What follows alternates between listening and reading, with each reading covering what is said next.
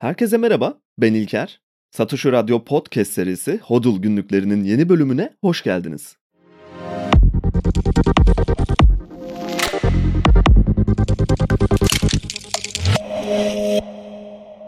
Birkaç yıl önce İngiltere'de birkaç kişi metal dedektörleriyle bir yığın dolusu Anglo-Sakson ve Norman madeni paraları buldu. Bu madeni paralar muhtemelen 1. William'ın 1066'daki İngiltere'yi yasa dışı işgalinden kısa bir süre sonra onları saklamak üzere gömen zengin bir kişiye aitti. Sanırım bu kendi bankanız olmanın orta çağdaki karşılığıydı. Ancak ne yazık ki soykırım niteliğindeki bir rejim değişikliği kampanyası sırasında kafanız kesilirse veya bir köpek USB belleğinizi yerse o zaman amatör arkeologlar veya kuantum bilgisayarları tarafından kurtarılana kadar varlıklarınız nakit dolaşımdan kaybolur ve varislerinizin ulaşamayacağı bir yere gider. Bu sözler birkaç yıl önce yayınlanan bir Forbes makalesinin girişinde yer alıyor. Not your keys, not your coins. Yani anahtarın yoksa hükmün de yoktur sözünün saçmalığından dem vuran bir makale. Bugün sanırım özellikle 2022'deki yaşadığımız gelişmelerden sonra varlıklarımız üzerinde tam sahiplik kuracak şekilde kendi bitcoinlerimizi saklamanın ne kadar önemli olduğunu bir kez daha anladık. Ve varlıklarımız üzerinde tam sahiplik hakkı elde edebileceğimiz tek varlık sınıfının da bitcoin olduğunu artık yavaş yavaş anlamaya başladık. Bunu nasıl yapacağımıza ya da işin daha teknik kısımlarına geçmeden önce biraz temelden giriş yapmak sanırım daha doğru olur ama. Anahtara sahip olmak ne demek? Buradan başlamak en doğrusu gibi. Daha önce 3. bölümde şifreleme ve parolaların mantığından Proof of Work üzerine konuşurken bahsettiğimiz için o kısmı biraz hızlı geçiyorum. Eğer bu konuda meraklı olanlar varsa Bizans generalleri problemi dediğimiz probleme ve genel olarak parolaların mantığına o bölümden daha detaylı bakabilirsiniz. Parola ve şifreler artık hayatımızın çok önemli bir parçası zaten. Her gün dijital dünyanın her köşesinde giriş yapmak istediğimiz neredeyse her uygulamada bunlara ihtiyaç duyuyoruz. Bugünlerde biyometrik girişlerin daha popülerleşmesiyle belki hatta problemi biraz daha kolaylaştırmış olabiliriz. Fakat bu biyometrik girişler genellikle bir kullanıcı adı ve şifrenin master anahtarı oluyor. Yani telefonumuzda saklanan birçok parolanın, saklanan verilerin ana şifresi bu biyometrik, eşsiz, kişiye özel özelliklerimiz. Bitcoin Private Key'de ya da Türkçe olarak gizli anahtar şeklinde de bahsedebiliriz. İşte bu da aynı mantıktaki bir özel anahtar. Ayrıca bugünlerde kullanılan birçok soğuk cüzdanda oluşturulan bu özel anahtarın altında tamamen buna bağlı neredeyse sayısız açık anahtar üretiliyor. Cüzdanlar bu şekilde çalışıyor. Sizin gizli anahtarınızdan açık bir şekilde Bitcoin transferi isteyebileceğiniz açık anahtarlar üretiliyor. Her açık adresin arkasında bir gizli anahtar var ama cüzdan uygulamalarında kullanılan ve üretilen 12-24 kelimelik master anahtara bağlı bir şekilde çalışıyor tüm bunlar. Hatta buna X Private Key deniyor. Yani Extended Private Key. Genişletilmiş bir gizli anahtar demek bu da. Kendine bağlı tüm tekil gizli anahtarları ve onlara bağlı tüm açık anahtarları çağırmanıza yarayan bir anahtar. Aynı Sauron'un tek yüzüğü gibi düşünelim. Hepsine hükmedecek bir anahtar. Hepsini o bulacak. Hepsini bir araya getirip karanlıkta birbirine bağlayacak. Tabii tek yüzük demek yerine biz buna HD cüzdanlar diyoruz. Yani hiyerarşik deterministik cüzdan yapısı. Tabi bu teknik kısımlara daha ileride tekrar döneriz. Sadece kafalarda biraz oturması için böyle basit bir biyometrik benzetme üzerinden ve gizli anahtarın mantığı hakkında düşünmek üzere örnekler vermemiz gerekiyordu başlangıçta. Öyleyse zaten daha bu noktada çok basit bir cevap çıkıyor Forbes'un sorduğu soruya. Biyometrik verilerinizi ya da tek yüzüğünüzü, kıymetlinizi biriyle paylaşmak ister miydiniz? Public key ve private key dediğimiz bu açık olan ve gizli olan anahtarlardan biraz daha bahsetmek gerek tabii. Public key'i yine basit bir şekilde bir IBAN adresi olarak düşünebiliriz. Private key de bu hesabın ait olduğu uygulamaya giriş yaptığımız biyometrik verilerimiz. Bizde saklı olan ve başka kimseye ait olmayan eşsiz şifrelerimiz. Tabii ki bugün artık birçoğumuzun bildiği gibi public key'lere yani Bitcoin adreslerine sahip olan herkes o adresteki varlıkları ve ne işlemler yapıldığını gözetleyebiliyorlar. Zaten bu yüzden birçok cüzdan uygulaması her harcama işleminden sonra yeni bir adres üreterek hesapta kalan varlıkları bu yeni adrese taşıyıp eski adresi temizliyor ve yepyeni bir adresiniz yaratılmış oluyor. Bir başkasıyla bu sefer bu yeni adresi paylaşabiliyorsunuz otomatik olarak. Takibi ve varlıklarınıza yapılacak dikizlemeyi biraz zorlaştıran ama tam olarak engellemeyen bir yöntem yine de. Çünkü herkese açık blockchain üzerinden herkes bu adresleri dikkatli bir şekilde takip etmek isterse, yani parayı takip ederse sonunda mutlaka nereye vardığına kesin olarak bakabilir. Bu bir yandan gizliliği zedeleyen ama bir yandan da Bitcoin ağının dürüst bir şekilde çalışmasını sağlayan en önemli özelliklerden biri. Yani Bitcoin'in hatalı veya problemli görünebilen ama eşsiz yanlarından biri bu. Tabi bunun aksine bugün klasik bankacılık sisteminde size para göndermeniz için paylaşılan IBAN adresinde dönen transferleri ya da varlıkları dikizleyemezsiniz. Bunu sizin yerinize otorite yapar. Bütün problem de tam olarak burada başlıyor ve mutlak bir dürüst kontrolcü, dikizleyici ihtiyacımız işte burada doğuyor. Güvenilir bir röntgenciye ihtiyacımız var. Tanımın kendisi zaten çok sıkıntılı görünüyor ama dikizleme yapan biri aynı zamanda dürüst olabilir mi? Bu sorunun cevabını Satoshi kendi yöntemiyle çok basit bir şekilde çözmüş durumda. Herkesin herkesi dikizleyebileceği bir dünya hayal edelim. Bunu yapmak zorunda değil ama biliyoruz ki böyle bir yeteneği var herkesin. Tam olarak bu durum bütün katılımcıları zorunlu bir dürüstlüğe iter zaten. Satoshi'nin çözümü tek bir güven mekanizmasına, otoriteye bu görevi vermek yerine herkesin birbirini kontrol edebileceği ve işin ilginci bu yöntemle daha demokratik bir sistem yaratması. Çünkü bu adreslerin güvenirliğini ve dürüst bir şekilde çalışmasını sağlayacak otorite bu gücü tek başında elinde tutabildiğinde bazı kötü sonuçlarla karşılaşabiliyoruz banka hesaplarının dondurulması veya yaptığınız havale, EFT işlemlerinin incelemeye alınması ya da hesaplarınızın tamamen bloke edilmesine kadar gidebilen bir süreç var. Burada elbette yasa dışı ya da illegal transferlerin açık olmasından bahsetmiyorum ama ciddi bir sansüre maruz kalabilirsiniz. Sadece yeterince can sıkıntısı yaratırsanız otoriteye emin olun bunun gerçekleşme ihtimali hiç de az değil. Hatta biz bu bölümü kaydederken Aziz Nesin Vakfı'nın banka hesaplarına ve hesaplarında bulunan 2 milyon TL'ye el konuldu mesela örnek olarak. Sadece yeterince can sıkıntısı yaratmanız yeterli. Daha önce bu konuyu kaç kere açtım hatırlamıyorum ama Kanada'daki tır şoförlerinin başına da tam olarak bu geldi zaten. Geçtiğimiz günlerde yine başka bir yerde karşılaştığım bir haber. Banka hesabını bir arkadaşının kullanmasına izin veren bir üniversite öğrencisi bu arkadaşının o verdiği hesapta problemli işlemler yapması sebebiyle tüm bankacılık sistemi tarafından kara listeye alındı. Hiçbir hesabındaki paralara dokunamıyor. Tamamen sistem dışına atılmış durumda. Kredi kartı kullanmasına bile izin yok. Hiçbir suçu olmamasına rağmen. Bugün tüm bankaların hesaplarınızı bloke ettiğini ve bir kara listede olduğunuzu düşünün. Arafta kalmak gibi bir şey. Yaşamak ve hayatta kalabilmek için bugün tamamen Visa ve Mastercard'a veya bankalara mutlak bir bağımlılığımız var. Neden? Çünkü gizli anahtarlar onların elinde. Aslında hesaplarda ya da ekranlarda görülen rakamlar için hiçbir hak iddiamız yok. Bunlar sadece tutulmak üzere verilen sözler ya da zaman zaman çiğnenmek üzere. Anahtar bizde olmadığı için hangi keyfi uygulamayla ne zaman muhatap olacağımızdan pek emin değiliz. Bu verilmiş sözler üzerine hesaplarımızda görünen varlıkların çok kısa bir adı da var. IOU deniliyor bunlara. IOU'nun kısaltması.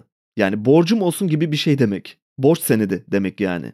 Banka hesaplarında görünen dijital varlıklar, hatta elimizdeki kağıt para bile bundan pek farksız değil. Hepsi birer borç senedi ve gerçek varlıkların private key'leri yani gizli anahtarları bizim elimizde değil. Bir gün birisi iflas edene kadar yani bir kripto para borsası ya da saklama kuruluşu ödeme taleplerine yetişemeyene kadar ya da Yunanistan'da olduğu gibi bankaların ATM'lerinde nakit bitene kadar bu illüzyon hiç yokmuşçasına devam ediyor. Ta ki yıkılana kadar. Ve tek bir darbe genellikle yeterli oluyor böyle kırılgan sistemlerin çökmesi için. Bu problemli durumdan özellikle kimisi gayrimenkul sahibi olarak ya da yüzyıllardır gelen bir alışkanlıkla en büyük güvence olarak görülen altın sahibi olarak kendini garantiye almaya çalışıyor. Ülkeler bile kendinden emin olamadığından ve kendi dürüstlüklerini sorguladıklarından sürekli olarak altın rezervlerini arttırmak üzerine bir uğraş içindeler. Tabi bu yaklaşımların da kendince problemleri var. Birçok kez bahsettiğimiz şeylerdi bunlar. Tüm varlıklarınızı altın olarak saklayıp ya da birikimlerinizi bu şekilde bir güvenceye almak istemek çok riskli olabilir. Çünkü saklama şartları bakımından yeterince güvenli bir ortam yaratmak büyük bir çoğunluk için çok zor. Bugün insanlar evlerindeki altınları bile uzun bir seyahate giderken bir şekilde yanlarında taşımaya çalışıyorlar. Gayrimenkul yine birçok açıdan problemli bakım ve iyileştirme istemesi, aktif yönetim gerekiyor olması gibi ek iş gücü ihtiyacı var. Ve likit değil, belki de en önemlisi.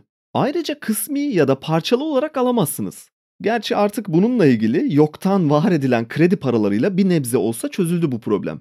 Ama yine de kısmi veya parçalı şekilde satamazsınız. Altın için de benzer şeyler geçerli. Akışkan bir harcama sunmuyor. Fakat Bitcoin bu iki en önemli kıymetin en iyi özelliklerini bir arada toplayan bir varlık sınıfı.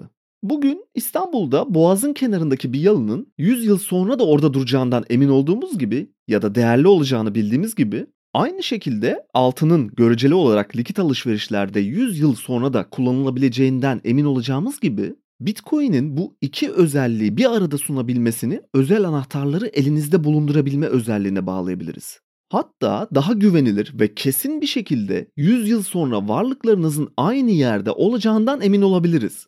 Ciddi bir kesinlik sunuyor Bitcoin. Fakat bunun yanında self custody dediğimiz yani tam sahiplik sunan gizli anahtarları bir başkasına emanet etmek sadece bir kez bu güvenin kırılmasında büyük bir hüsrana uğramamız için yeterli olan bir güven mekanizması. Herhangi bir varlığın korunmasını bir emanet veya güven sistemi üzerine kurmak, her şey düzgün işlerken hiçbir problem yaratmayan fakat sadece bir kez doğru çalışmadığında ciddi sonuçlar doğuran bir hata. Ve parasal sistem bu güven mekanizmasının ihlalleri üzerine kurulu. Tam bunun üstüne Bitcoin'in saklama yöntemlerinden biraz bahsetmek gerekiyor sanırım. Bunun birkaç farklı yolu var. Herhangi bir kripto para borsasında bırakabilirsiniz veya diğer sıcak cüzdanlar dediğimiz yine anahtarın sizde olduğu ya da olmadığı en azından paylaşımlı bir cüzdan yapısı da olabilir. Bu tarz online cüzdanlar üzerinde varlıklarınızı tutabilirsiniz. Veya bir saklama kuruluşuna aynı bankacılık mantığına benzer bir şekilde teslim edebilirsiniz. Ya da son yöntem olarak tamamen kendi bankanız olup varlıklarınızın tam sahipliğini size veren gizli anahtarlarınızı kendiniz saklayarak varlıklarınızı korumaya çalışabilirsiniz. Sanırım bu yöntemlerden en tehlikeli ve birçok kötü sonuçlarını gördüklerimiz emanete vermek ya da kripto para borsalarında tutmak. Bu iki yöntemin de tamamen bir illüzyon olduğunu 2022 yılında çok daha yakından gördük. Özellikle daha güvenilir olduğu savunulan bankacılık sistemine benzer bir emanet mantığıyla çalışan birçok kurumun batışına şahitlik ettik. Bunun en büyük sebeplerinden biri kullanıcılara sundukları faizlerden kaynaklandı. Çünkü bu varlıklar karşılığında faiz ödeme sözlerini tutabilmek için riskli yatırımlar yapmak zorunda kaldılar sizin varlıklarınızla. Sanırım bunlardan en ünlüsü stablecoin olarak bildiğimiz ya da öyle olduğunu sandığımız Terra Luna'nın USD üzerinden verdiği faizlerle kriz tetiklendi. Ya da daha ne olabilir ki bu yıl derken 2022 sonuna doğru FTX borsasının iflası yine aynı sebeplerden kaynaklandı. Peki nedir bu sebeplerin en temel noktası? Gizli anahtarlarımızı kendi başımıza saklama yönündeki isteksizliğimiz ve bunu karmaşık görüşümüz bana göre. Fakat bu sanılanın aksine hiç de o kadar zor değil. 12 veya 24 haneli bir anahtar kelime dizisini insan aklında bile tutabilir. Bunu herhangi bir kağıt parçasına yazıp yine bir yerlerde saklanabilir. Hatta birkaç parçaya bölüp farklı lokasyonlarda da tutulabilir. Veya bir kasanın içinde saklanabilir. Yerin altına gömülebilir. Çok özel bir kitabın arasına saklanabilir.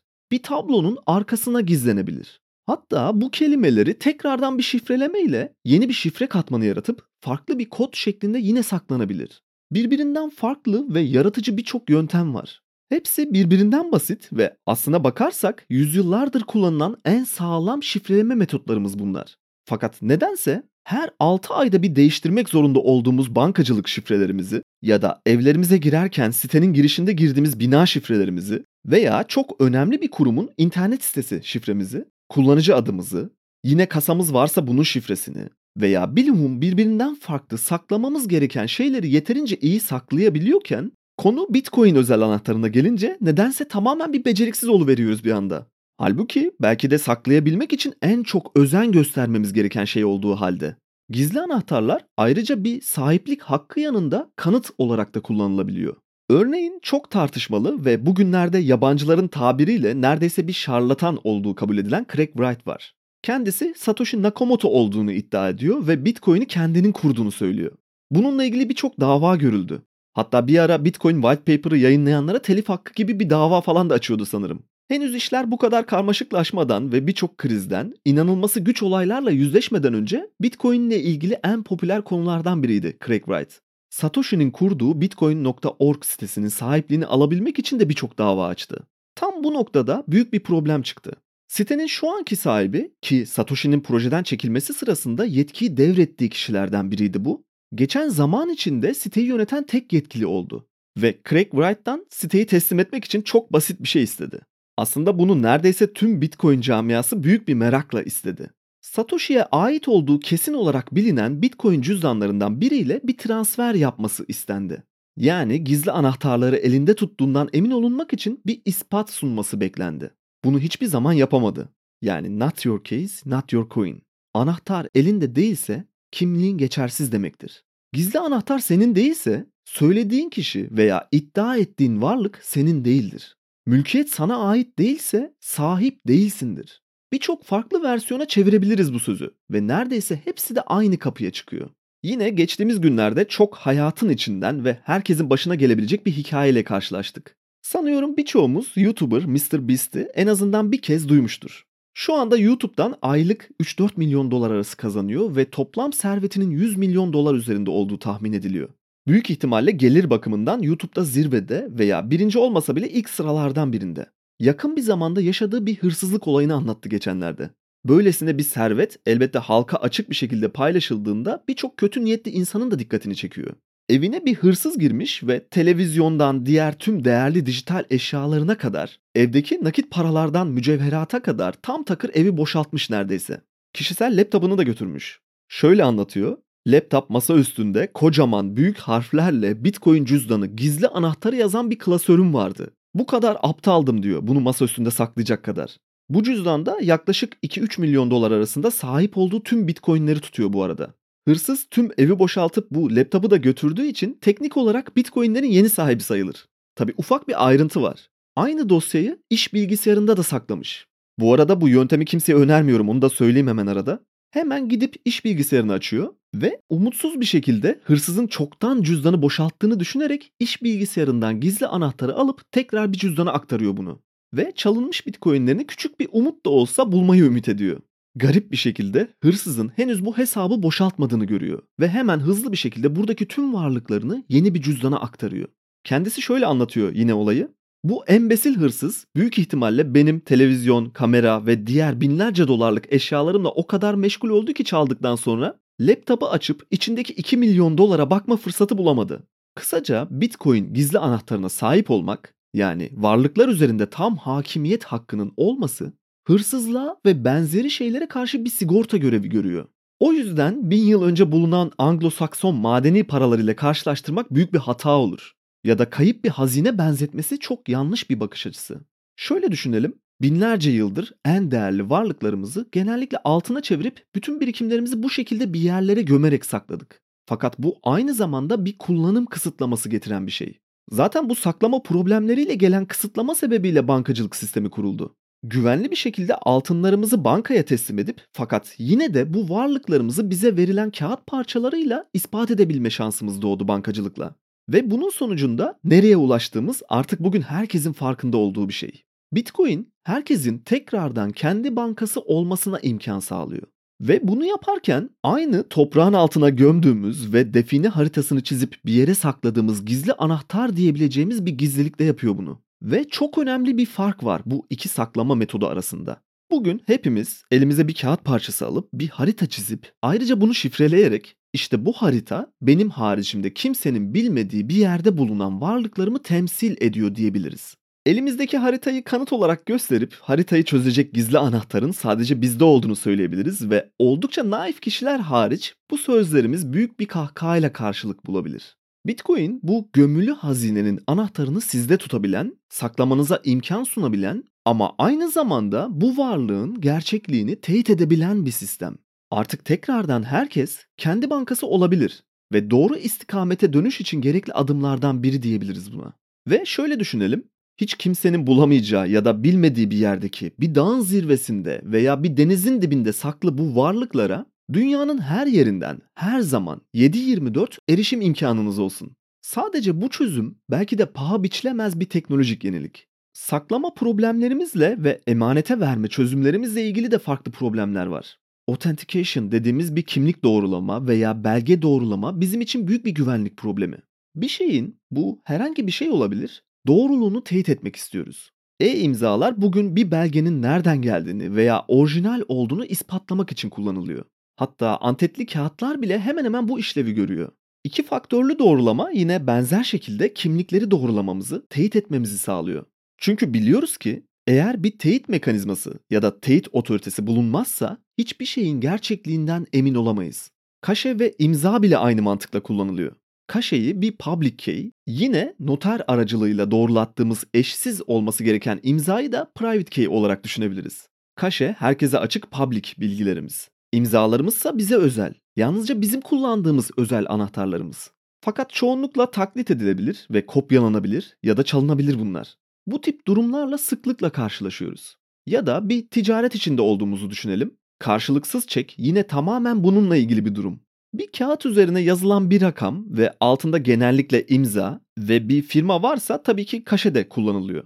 Fakat çekin üstünde yazan rakamın gerçekten bir banka hesabında var olduğundan emin olmamızın imkanı yok. Tamamen güvene dayalı bir ticaret. Çoğunlukla fayda sağlanılan bir güven oyunu bu. Bankalara çekin karşılığının olduğunu teyit ettiği konusunda güvenmemiz gerekiyor.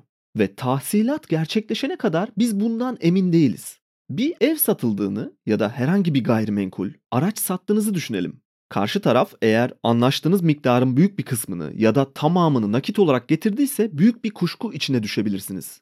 Bu paranın gerçek mi yoksa sahte mi olduğunu anlamanın tek yolu bankacılık sistemine sokmak. Karşı tarafın döviz ödediğini düşünelim ya da altın olarak elden ödeme yapmak istediğini düşünelim. Altınların gerçek olduğundan nasıl emin olabiliriz? Kesin bir şekilde ispatlamamız neredeyse mümkün değil. Bu nakdi ödemeyi bankaya yatırmak üzere aldığınızı varsayalım ve bunun karşılığında bir mülkünüzü devrettiğinizi düşünelim. Paranızı bankaya yatırmak üzere gittiğinizde sahte olduğunu fark edebilirsiniz. Ve mülkünüzü geri almanız neredeyse mümkün değil. Tabii artık neredeyse bu tarz tüm ödemeler bankacılık sistemi üzerinden dönüyor ve belki böyle olmak zorunda. Yani bir otoriteye güvenmek zorunda değiliz fakat ihtiyaç duyuyoruz aslında. Bitcoin işte bu özel anahtarlarla ya da taklit edilemez özel imzalar da diyebiliriz otantikeyi sağlıyor. Otantiğin kelime anlamına bakarsak aslı bozulmamış olan demek. Yani aslı gibidir belgeleriyle ya da kağıt parçalarıyla uğraşmak ve bu belgeleri taşımak için bir otorite mührüne ihtiyaç duymak yerine aslı olan ve bozulmamış olan orijinal belgeyi kolay bir şekilde kullanmamızı sağlıyor özel imzalar. Bu basit ve örnek uygulamalar düşünüldüğünde gizli ve özel anahtarların sahibi olmanın ne demek olduğunu daha iyi anlayabiliriz bana göre. O yüzden her türlü çetrefilli yollardan teyit ve doğruluk tespiti yapma isteklerimizle boğuşmak yerine sadece çok basit bir şekilde 24 kelimelik bir anahtar saklamanın çok daha basit olduğunu düşünebiliriz. Hatta çoğu zaman yalnızca bir otoriteye güvenmek, gizli anahtar sahibi olmaktan, kendi bankan olmaktan çok daha karmaşık bir yol. Ayrıca çok karmaşık ya da daha çetrefilli bir ticaret ya da kullanım için çoklu anahtarlı cüzdan çözümlemeleri de var. Ve bu da yine daha dürüst bir şekilde hareket etmemizi sağlayan yöntemlerden biri. Örneğin bir aile parasını ailenin tüm fertlerinin ortak sahibi olacağı şekilde bir cüzdanda saklayabilir. Yine bu tip cüzdanlarda çoklu imza ile transferlere izin verebilirsiniz. Herkesin imzasına ya da çoğunluğun imzasına sahip işlemlerin onaylanacağı bir düzenleme yapabilirsiniz. Veya iki kişi arasında yapılacak bir ticarette 3 şifreli bir cüzdan kurup üçüncü bir hakem kişiye de anahtarı verip tüm alışveriş tamamlandıktan sonra 3'te 2'nin onaylı imzasıyla varlıkları başka bir yere taşıyabilirsiniz. Alıcı, satıcı ve güvenli aracının tamamen tek başına hak sahipliği iddia edemeyeceği veya bir başkasını kandıramayacağı, dolandıramayacağı kusursuz bir sistem sunabilir bu çoklu gizli anahtar çözümleri. Veya yine daha değişik bir şey düşünebiliriz zaman sınırlı bir cüzdan oluşturabilirsiniz. Örneğin çocuğunuz için bir fon yaratabilirsiniz zaman şartı koyarak. Herhangi bir istediğiniz uzunluktaki süreye kadar cüzdandaki varlıkların oynatılması böylece engellenmiş olabilir. Ya da zaman sınırlı bir iş yapıyorsanız yine aynı şekilde bu zaman sınırlarını varlıkların serbestliğe kavuşma zamanı olarak belirleyebilirsiniz. Bu tarz seçeneklerle birlikte oldukça yaratıcı çözümler var. Akıllı kontratlar olarak bilinen kripto para ekosisteminde şu anda mevcut çözümlemelerin atası bunlar ve belki de en kullanışlı olanları. Her amaca ve her koşula uygun bir çözümlemeyi kolayca kendi bankanız olarak hareket ederek kendiniz adına uygulayabilirsiniz. Böyle düşününce aslında bir bakıma bunların hepsi küçük bir sihir gibi görünüyor. En azından büyük bir çoğunluk böyle hissediyor ve gerçekliğine inanamıyor. Tüm bu teknolojik gelişmeler ve çözümlemeler bugünlerde Arthur C. Clarke'ın geliştirdiği o ünlü 3 kuralına benziyor biraz. Kendisi hani şu 2001 bir uzay destanı filminin yaratıcısı, bilim kurgu yazarı. Şu şekilde bir 3 maddeden oluşan kurallar bütünü var. 1. Seçkin ama yaşlı bir bilim adamı bir şeyin mümkün olduğunu söylediğinde neredeyse kesinlikle haklıdır. Bir şeyin imkansız olduğunu söylediğinde muhtemelen yanılıyordur. 2 mümkün olanın sınırlarını keşfetmenin tek yolu imkansıza doğru bulunan limitleri biraz aşmayı göze almaktır. 3. Yeterince gelişmiş herhangi bir teknoloji sihirden ayırt edilemez. Bu maddelerden bugüne kadar gelmiş en ünlüsü ve çok paylaşılanı da üçüncü ve son olanı. Bugüne kadar birçok farklı varyasyonu kullanıldı hatta.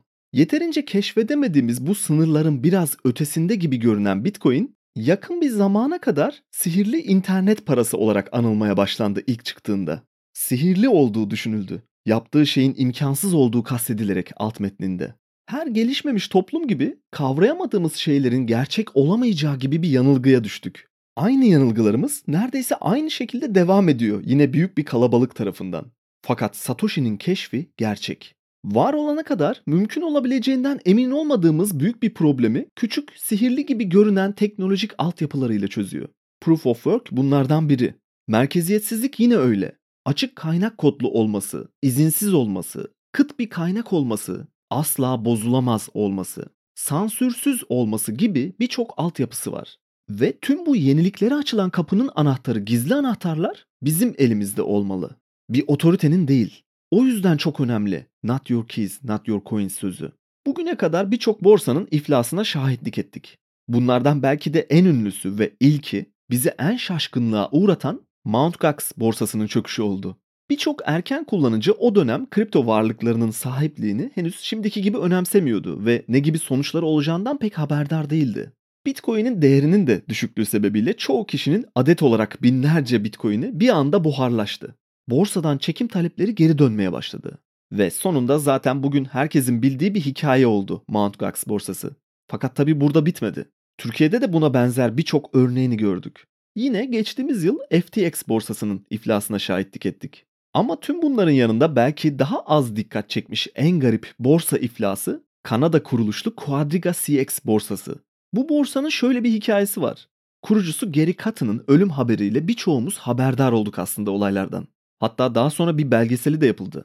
2013 yılında kurulan borsa özellikle Mt. Gox olayından sonra daha fazla kullanıcı çekmeye başlıyor ve hızlı bir büyüme ivmesi yakalıyor. Fakat bir noktada borsa tamamen bir ponzi şemasına dönüyor. Yeni giren kullanıcıların varlıklarıyla diğer çekim taleplerini karşıladıkları ve genel olarak pastadan büyük bir payı kurucusunun kendi hesabına taşıdığı bir ponzi sistemi. Buna birkaç yıldan fazla bir sürede devam edebilmiş. Tabi büyümeye devam ettikçe. 2017'deki kripto çöküşünden sonra biraz nakit sıkıntısı yaşamaya başlıyorlar. Bir şekilde sistemi devam ettiriyorlar ama 2018'e gelindiğinde artık Ponzi sistemini döndürmeleri mümkün olmuyor. Çünkü siteden çıkan para hep giren paradan daha fazla çok uzun bir süredir. 2018'in sonuna doğru neredeyse hiçbir büyük çekim talebini karşılamıyorlar. Geciktiriyorlar ve bahaneler sunmaya başlıyorlar. Şirket her borsa gibi varlıklarının neredeyse hepsini soğuk cüzdanlarda tutuyor. Ve bu cüzdanlara tek erişim sahibi olan kişi şirketin kurucusu. Geri katın yani. İşin ilginç kısmı ani bir şekilde 9 Aralık 2018'de hiç beklenmeyen bir haber geliyor. Katın çıktığı Hindistan gezisi sırasında ölmüş. Tabi sonrası tartışmalı. Gerçekten öldü mü yoksa tüm varlıkları alıp kaçtı mı? Kendine bir ölüm süsü mü verdi? Bugün hala tartışılan bir konu. Aslında buna benzer hikayeleri bankacılık sisteminde ya da finans dünyasında da sıklıkla duyuyoruz. Hatta belki de kripto para dünyasından daha çok sıklıkta ve daha büyük çapta. 2008 konut krizinde kurtarılmak zorunda kalınan bankalar ve finans şirketleri bunun en net örneklerinden biri. Kripto para ekosistemindeki belki de tek eksik böyle bir kurtarıcının var olmaması. En azından Ponzi işletmek isteyen kişilerin bakışı açısından. Birileri çıkıp para basarak kurtarıcı rolünü üstlenemiyor çünkü. Bernie Madoff yine belgeseli yapılan diğer bir ünlü isim. Belki de en ünlüsü. Tarihin en büyük Ponzi şemasını aynı zamanda en uzun süreli olarak yöneten kişi. Genellikle Ponzi şemalarının bir kriz döneminde patlak vermesi çok daha olası. Çünkü böyle zamanlarda insanlar bir başkasına güvenerek emanet ettikleri paralarını bu güvenli gördükleri limanlardan çekmek isteyebiliyorlar. Büyük bir kalabalık halinde. Problem de burada başlıyor zaten. Aynı birçok önceki ve sonraki örnekte olduğu gibi Bernie Madoff da 2008 konut krizi sonunda patlayan bir Ponzi yöneticisiydi. Bu sistemi yaklaşık 30 yıl yönettiği düşünülüyor. Nasdaq borsasının kurucularından birisi ve eski yöneticilerinden. Ponzi şeması açığa çıkana kadar gelecekte SEC başkanı olacağı düşünülen saygın birisi olarak biliniyordu. Fakat bu gizli Ponzi fonunda garanti getirili bir fırsat gören katılımcıları öyle olmadığını çok acı bir şekilde tecrübe ettiler. Madoff'un istediği yatırımcı tipi hiçbir soru sormayan ve parayla nasıl yatırım yaptığını çok kurcalamayanlar. Biraz inceleme isteyenler ya da denetim raporları isteyenleri reddedip paralarını almıyor hatta. Bu durum zaten bahsettiğimiz güven ihtiyaçlarımızın bir sonucu. Ama kimi zaman eğer karşımızdaki kişiye yeterince güveniyorsak ya da bu kişi özellikle herkes tarafından güvenilir olarak görünüyorsa çok fazla soru sormaya gerek yok diye düşünüyoruz. Teyit almaya ihtiyaç duymuyoruz. Don't trust, verify gibi Bitcoin için kalıplaşmış bir söz var çok fazla kullanılan. Yani güvenme, teyit et demek. Bu tarz kalıp cümleler zaman içinde anlamlarını yitiriyor ve bence tekrar tekrar bunları vurgulamak her şeyden önemli. Hatta öyle ki Madoff neredeyse yakalanmak üzereyken ki kendisi yakalanmadı, itiraf etmek zorunda kaldı. Fakat yakalanma tehlikesi altındayken ve SEC bir soruşturma yürütürken bizzat SEC ile görüşmek için kuruma tek başına hiçbir avukat desteği olmadan gidiyor. Bir bakıma yakalandığını düşünerek gidiyor aslında. Burada yaptığı görüşmede yıllardır geliştirdiği tatlı dilini ve ikna yeteneklerini kullanarak kurumu neredeyse düzgün bir iş yaptığına ikna ediyor. SEC son olarak paraların nerede olduğunu soruyor. Don't trust, verify diyorlar yani. Madoff büyük bir soğukkanlılıkla neredeyse bomboş olan Ponzi banka hesabının numarasını bir kağıda yazıp kuruma verip kendinden emin bir şekilde görüşmeyi terk ediyor. Sanki bir hakarete uğramış gibi bir tavırla yapıyor bunu. Esi ise bu verilen hesap numarasında gerçekten tüm fonun olup olmadığını hiçbir zaman kontrol etmemiş. Gerçekten akıl almaz bir şey bu. Fakat tabii her Ponzi sisteminin sonunda olacağı gibi bir krizin tetiklemesi ve çok fazla para çıkış talebi tüm sistemi doğal yollardan çökertiyor bir süre sonra. Yıllardır çalıştığına ikna olduğumuz ve yıkılamayacak kadar güvenilir gördüğümüz her şey, her bilgi, her çıkarımımız, her bakış açımız bir anda aniden ve hiç beklenmedik bir şekilde yıkılabilir. Ve özellikle mal varlıklarımızla ilgili tam hak sahipliği ihtiyaçlarımızı neredeyse çok çok uzun bir süre önce terk ettik bu güven duygularımız yüzünden. Nazilerden kaçan Yahudilerin yanlarında altınlarını kaçırmaya çalışması gibi bugünlerde Ruslardan kaçan Ukraynalıların ya da kendi ülkesinden çıkmak isteyen Rusların Bitcoin'le ülkelerinden çıkmak zorunda kaldıkları yeni bir dünyaya geçiş yaptık. Sahip olduğumuzu sandığımız her şey sadece güvenilir olarak gördüğümüz bir otoriteye emanet ettiğimiz ve karşılığında IOU olarak aldığımız yazılı senetler sadece. Tüm mülkiyetlerimiz özelliklerini otoritenin değiştirebileceği ve belki 100 yıl sonra geçerli sayılmayacak tapu senetleriyle korunuyor. Maddi varlıklarımız eğer altın olarak saklanıyorsa bireysel olarak bu riski almak zorunda kalmak ve yüksek oranda uzun yıllar içinde çalınma ve kaybolma riskine katlanmak anlamına geliyor. Kağıt paraların saklanması zaten artık fark etmeye başladığımız gibi tamamen anlamsız ve hızlı para kaybetmenin en kolay yolu. Kayıp bitcoinlere gelirsek Bunların birçoğu erken dönem kullanıcıların özensiz davranmaları ve Bitcoin özel anahtarına kışlık montun cebinde bırakılan 100 lira muamelesi yapmaktan kaynaklandığı söylenebilir. Son bir yıldır hareket ettirilmeyen coin sayısı yani hodl edilen coinler 12,5 milyon adet üzerine kadar çıkmış durumda. Bunun 1,5-2 milyonluk kısmı için erken dönem kayıpları ve Satoshi'nin cüzdanlarında durduğu tahmin edilen 1 milyon adedi de toplam arzdan çıkardığımızda hepimize sahip olmamız için kalan pay miktarı 21 milyon adetten çok daha az olduğu gibi bir gerçek var. O yüzden her bir Satoshi'nin, her bir Bitcoin'in değeri çok daha büyük. Ve zaman içinde özensiz ve unutkan kullanıcıların tabi daha az olacağını tahmin edebileceğimiz kayıplarıyla bu kayıp sayısı daha da büyüyecek. Hatta Satoshi'nin bir daha kullanılması mümkün olmayan kayıp Bitcoin'ler hakkında şöyle bir sözü var. Kayıp Bitcoin'ler yalnızca diğer herkesin coin'lerinin biraz daha değerli olmasını sağlar. Bunu herkese yapılan bir bağış olarak düşünün diyor. Ve bence doğal seleksiyon olarak kabul edebiliriz bu tarz kayıpları. Yeterince dikkatli kullanıcılar için ki yeterlilik seviyesi bence yeterince düşük. Kendi özel anahtarlarına sahip çıkmak, varlıkların üzerinde gerçekten hak sahipliği iddia etmenin tek yolu. Öyleyse geriye belki de tek bir seçenek kalıyor. Bu lanet olasıca 24 kelimelik bir anahtarı saklamayı becerebilmeliyiz. Bu yüzden tüm karmaşık düzenin içindeki belki de en basit çözümü sihirli bir internet parası olarak görmekten vazgeçmemiz gerek. Yeni şeyler söyleyene dek bu haftalık HODL günlüklerinin sonuna geldik. Satoshi Radyo ve Satoshi TV hesapları üzerinden programı takip etmeyi ve beğendiyseniz paylaşmayı unutmayın lütfen. Ayrıca bildirimleri açarsanız birbirinden farklı içeriklerden daha verimli bir şekilde haberdar olabilirsiniz. Bir sonraki bölümde görüşmek üzere.